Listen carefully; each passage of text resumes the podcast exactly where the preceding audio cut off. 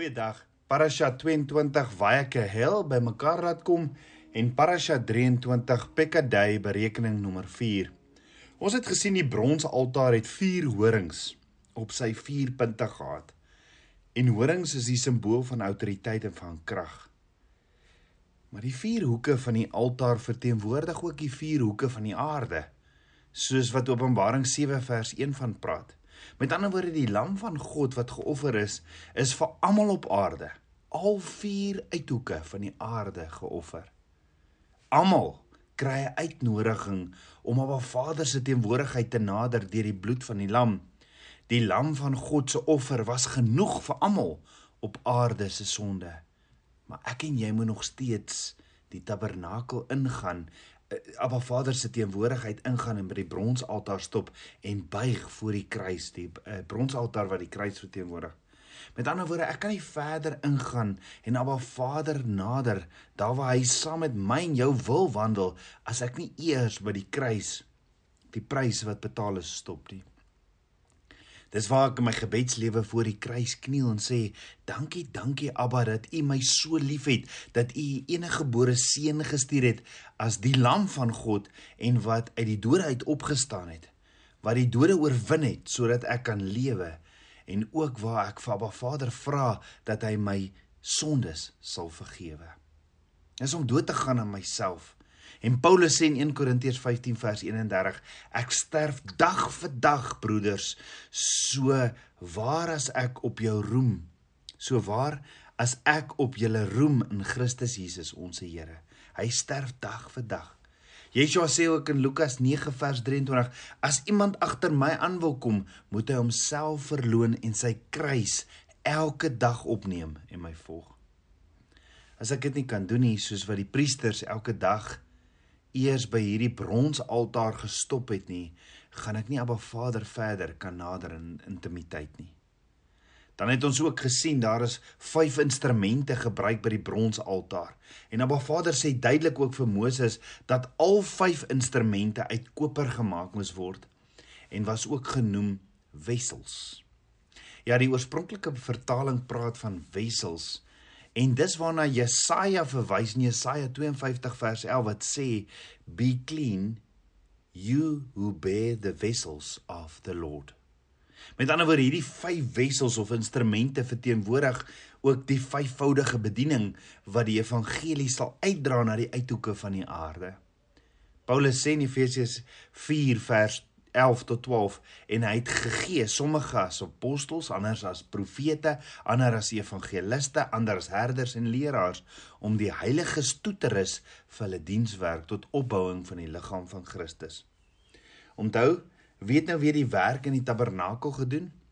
Die bedieningswerk gedoen in die tabernakel? Die priesters. Wie is die heilige priesterdom vandag? Ek en jy. 1 Petrus 2 vers 9 sê, "Maar julle is 'n uitverkore geslag, 'n koninklike priesterdom, 'n heilige volk."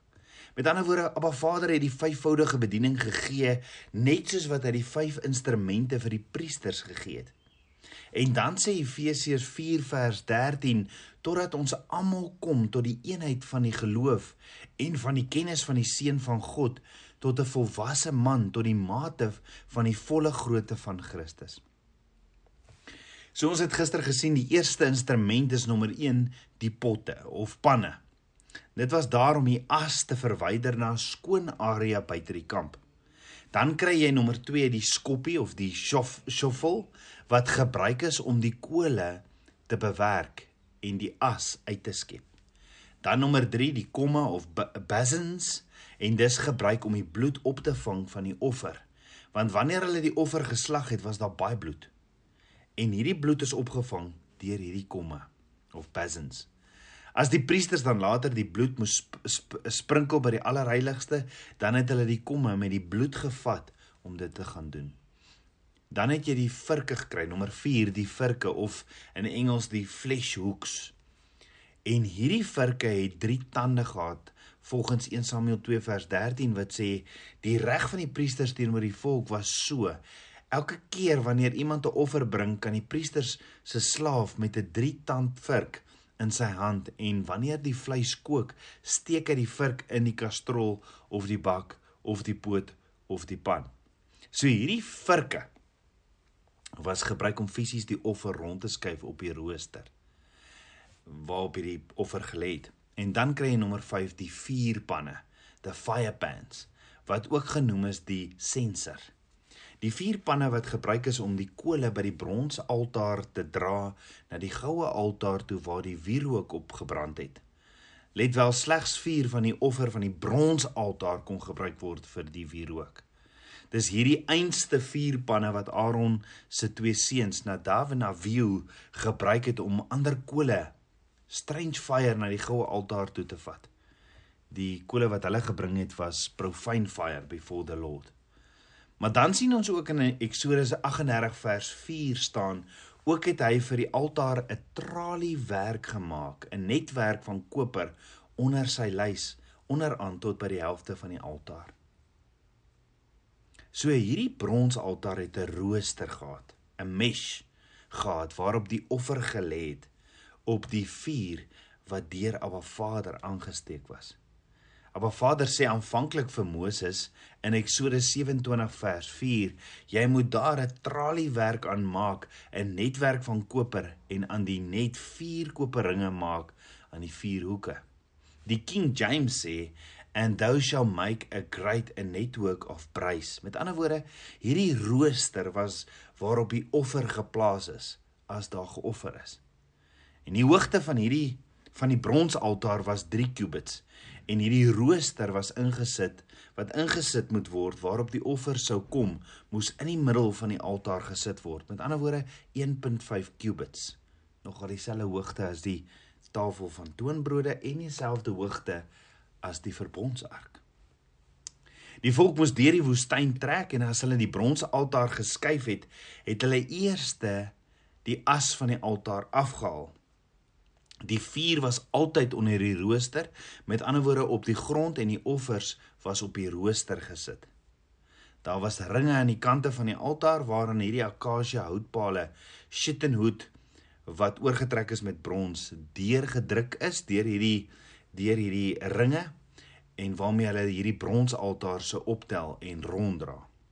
Maar dan sê Abba Vader in Numeri 4 vers 13 en hulle moet die as van die altaar verwyder en daar 'n purper doek oor uitsprei.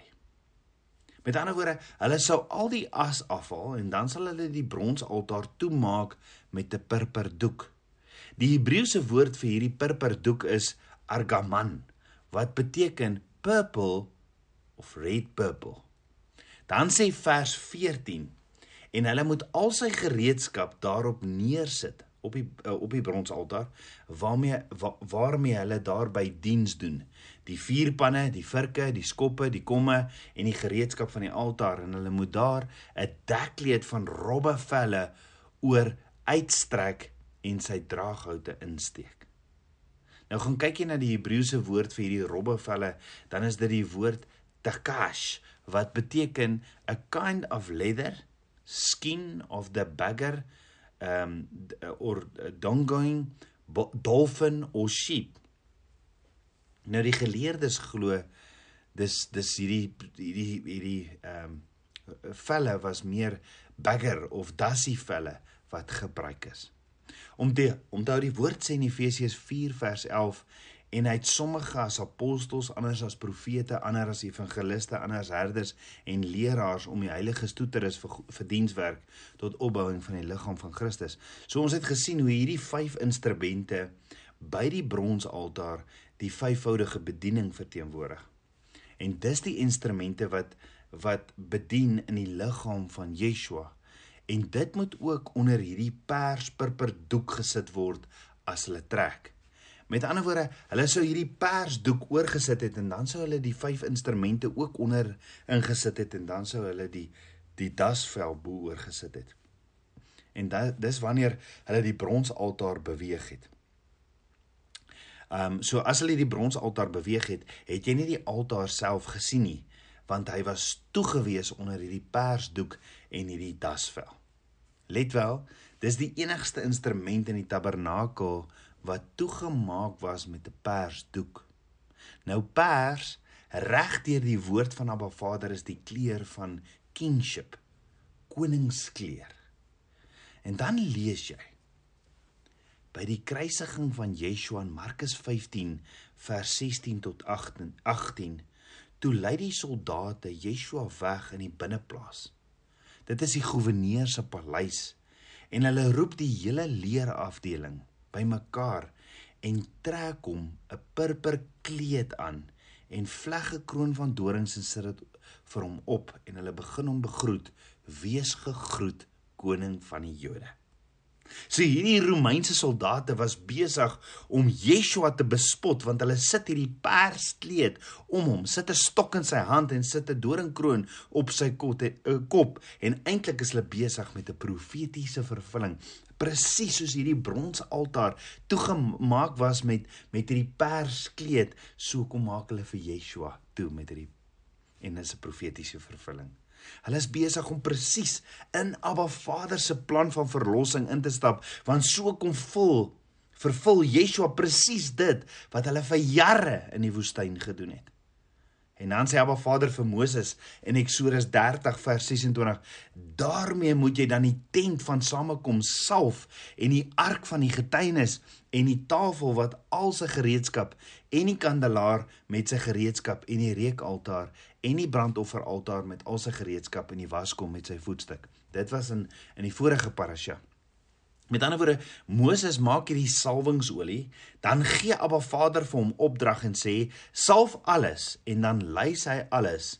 En dan 10 hoofstukke later verder in hierdie week se parasha in Eksodus 40 vers 10 sê Abba Vader weer: "Jy moet ook die brandofferaltaar salf met al sy gereedskap en jy moet die altaar heilig en die altaar sal hoog heilig wees. So hierdie bronsaltaar moet hy salf en hierdie altaar sal hoog heilig wees. So Abba Vader verduidelik dan vir Moses hoe om dit te doen ook in Levitikus 8 vers 11 waar die woord sê en hy daarvan 7 maal op die altaar gesprinkel en die altaar gesalf en al sy gereedskap met die waskom en sy voetstuk om dit te heilig. So die altaar moet 7 keer gesalf word 7 is hierdie getal van volmaaktheid en Yeshua is die offer wat volmaak is en het het ook hierdie presies kom vervul. Net soos die altaar 7 maal gesalf of gesprinkel is, so is Yeshua se bloed 7 keer op verskillende plekke gestort op sy pad op Golgotha. Dis die heiligmaking van die altaar. Daarom die lammetjie wat ek op die altaar gesit het was heilig want dit het aan Abba Vader behoort. Maar ook die altaar wat heilig is omdat Abba Vader so gesê het. Die altaar was heilig want dit was geplaas in die plek van die Allerhoogste waar hy gewandel het saam met sy volk en dan sê Abba Vader dit was heilig. Dit was geheilig. Dit was gesalf en dis besprinkel met die bloed. En dan sê die woord hierdie bronsaltaar heilig die gawes. Ja, die altaar wat 7 keer gesalf is, heilig die gawes. Die bloed van die lam heilig die gawes wat ek en jy ontvang. Dit kom alles uit die plek uit van hierdie prys wat Yeshua betaal het. Hoor gou wat sê Yeshua in, in Matteus 23 vers 19. Julle dwaase en blindes, want wat is meer, die gawe of die altaar wat die gawes heilig? Met ander woorde, as ek nie by die kruis stop nie, sal my geestelike gawes niks beteken nie. Die priesters kon nêrens heen beweeg as hulle nie by die bronsaltaar gestop het nie. En dan sê Romeine 12 vers 1: Ek vermaan julle dan broeders by die ontferming van God dat julle julle liggame stel as lewende, heilige en aan God welgevalle offer. Dit is julle redelike godsdienst. Met ander woorde, Dis van as ek en jy onsself vir hom gee, is is dit hy wat ons heilig. Dis die bloed van die lam wat hierdie heiligmaking in my lewe bewerkstellig. Ek kan niks van hierdie doen as ek nie by die kruis was nie en die bloed van die lam my vrygemaak het en ek gevul is met die gees van Abba Vader nie. Daar was geen ander plek waar die kinders van Abba Vader hulle sondeoffers kon bring nie net by die bronsaltaar. As ek nie by die bronsaltaar stop nie, gaan ek nie saam met Abba Vader wandel nie. So hierdie bronsaltaar was eintlik 'n was eintlik 'n aaklige plek. Want dit was ingewandes, dit was bloed. Daar was offers gemaak 9 uur en 3 uur in die middag en op Pasga weet ons was daar 3. So net so was dit ook ook 'n aaklige gesig om te sien hoe Yeshua ons koning gemartel, hoe hulle hom gemartel het by die kruis. Jy weet toe hulle die uh, hy is gekruis, hy's gemartel voor die kruis, maar toe hulle hom vasspyker en hom opsit op die kruis. Yeshua was so vermink dat hy nie soos 'n mens gelyk het nie. Dit sê Jesaja 53. Jy sien om saam met Abba Vader te wandel in intimiteit met ek en jy as tabernakelskinders soos die priesters daagliks kniel by die kruis vir die prys wat Yeshua betaal het. Yeshua het gesterf vir jou. Sal jy vir hom lewe? Yeshua sê in Lukas 9 vers 23: As iemand agter my aan wil kom, moet hy homself verloën en sy kruis elke dag opneem en my volg. So kan ek en jy elke dag by die voet van die kruis gaan sit en onsself vir Vader gee as lewende offer. En sê Vader, vergewe my deur die bloed van die lam en ek gee myself as lewende offer. Kom ons bid saam. Aba Vader, koning van my hart, Vader, ek loof en ek prys U. Vader, ek buig net voor U.